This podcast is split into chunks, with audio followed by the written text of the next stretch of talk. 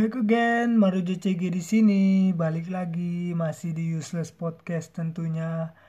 Podcast ini akan membahas berita-berita yang gak berguna dan gak penting-penting juga sebenarnya, tapi yang penting lagi happening belakangan ini lagi rame diperbincangkan di sosial media. Kita akan kupas tuntas di sini tentunya.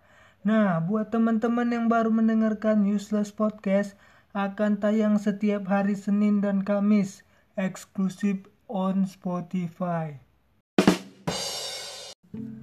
Berita pertama, Minggu kemarin 13 September 2020 jadi ini berita baru semalam rame di Twitter mengenai penusukan Sheikh Ali Jaber kronologi dari video tersebut Sheikh Ali Jaber tampak mengena sedang berada di panggung mendadak ada seorang pria yang naik ke atas panggung dan menusuk pendakwa tersebut para peserta ceramah pun langsung histeris dan langsung mengamankan serta menghakimi pelaku.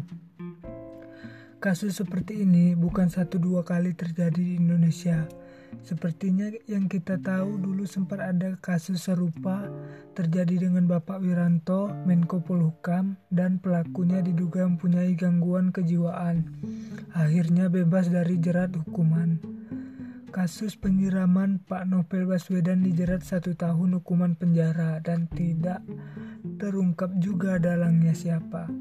Apakah kasus yang terjadi pada Sheikh Ali Jaber akan sama?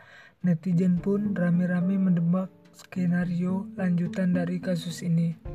Seperti cuitan salah satu pengguna Twitter tukang kredit 10. Gua tebak pelaku penusukan Sheikh Ali Jaber akan diperiksa kejiwaannya dan hasilnya dinyatakan sakit jiwa alias gila akhirnya bebas dari jerat hukum. Yang mengeroyok pelaku penusukan akan diperiksa dan dikenakan pasal penganiayaan.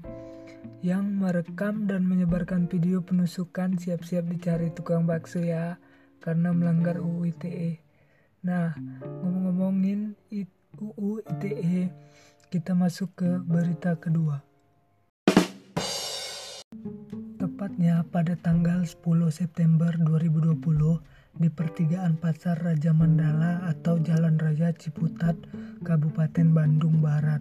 Pada pukul 11 waktu Indonesia Barat telah terjadi kecelakaan latihan yang dialami kendaraan tempur atau tank milik Batalion KAF 4 Tank Kodam 3. Video detik-detik tank menabrak gerobak dan beberapa motor yang sedang terparkir tersebut beredar di sosial media dan yang lucunya si perekam atau si pengunggah dicari oleh TNI dan akan dikenakan pelanggaran UU ITE pasal 24 ayat 2 nomor 11 tahun 2008 yang berbunyi setiap orang yang dengan sengaja dan tanpa hak menyebarkan informasi yang dituju untuk menimbulkan rasa benci dan permusuhan individu atau kelompok pasal karet kayak gini nyambungnya di mana sih? Mereka yang nabrak siapa yang melanggar? Wonderful sekali Indonesiaku.